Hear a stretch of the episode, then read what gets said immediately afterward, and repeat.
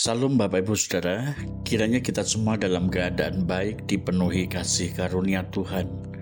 Mari kita berdoa. Tuhan Yesus kami bersyukur Engkau mengorbankan nyawamu bagi kami supaya setiap orang yang percaya kepadamu beroleh hidup. Kami bersyukur dalam nama Tuhan Yesus. Amin.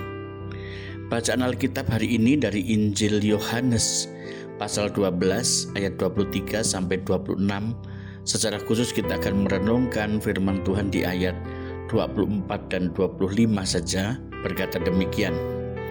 Aku berkata kepadamu, sesungguhnya jikalau biji gandum tidak jatuh ke dalam tanah dan mati, ia tetap satu biji saja.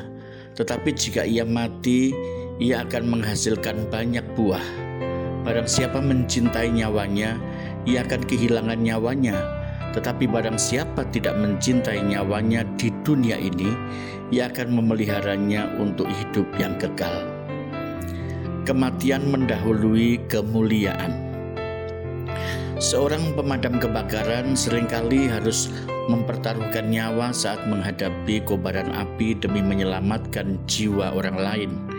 Tidak jarang mereka berhasil dalam tugasnya, namun tidak sedikit pula petugas pemadam kebakaran yang mengorbankan nyawanya sendiri demi orang lain.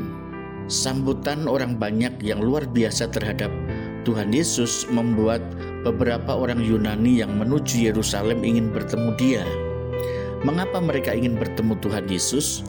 Kemungkinan karena mereka telah mendengar bahwa Tuhan Yesus membangkitkan Lazarus. Namun, jawaban Tuhan Yesus bagi mereka terdengar janggal sebab ia justru bicara soal waktu dan kemuliaan. Ayat 23. Tuhan Yesus membicarakan tentang dirinya mengenai anak Allah yang telah ditentukan jalan hidupnya untuk mati bagi banyak orang.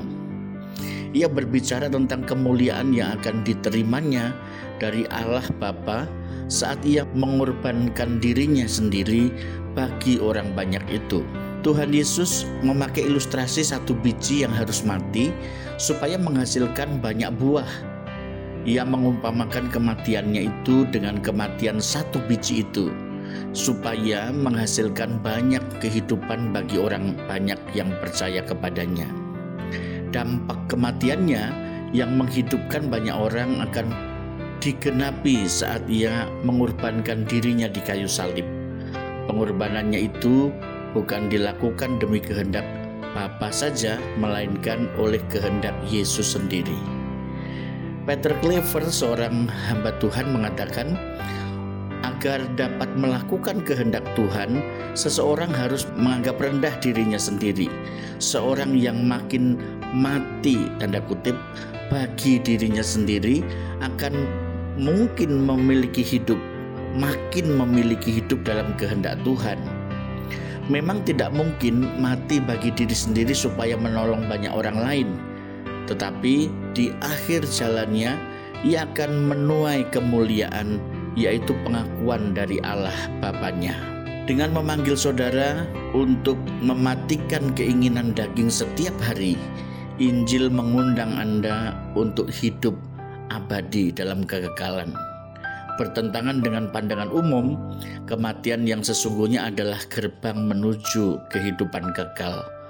Maukah Anda mematikan keinginan daging dengan hidup memuliakan Tuhan? Mari kita berdoa. Tuhan tolonglah kami berjuang mematikan keinginan daging kami supaya kami hidup memuliakan Engkau. Dalam nama Tuhan Yesus kami memohon. Amin.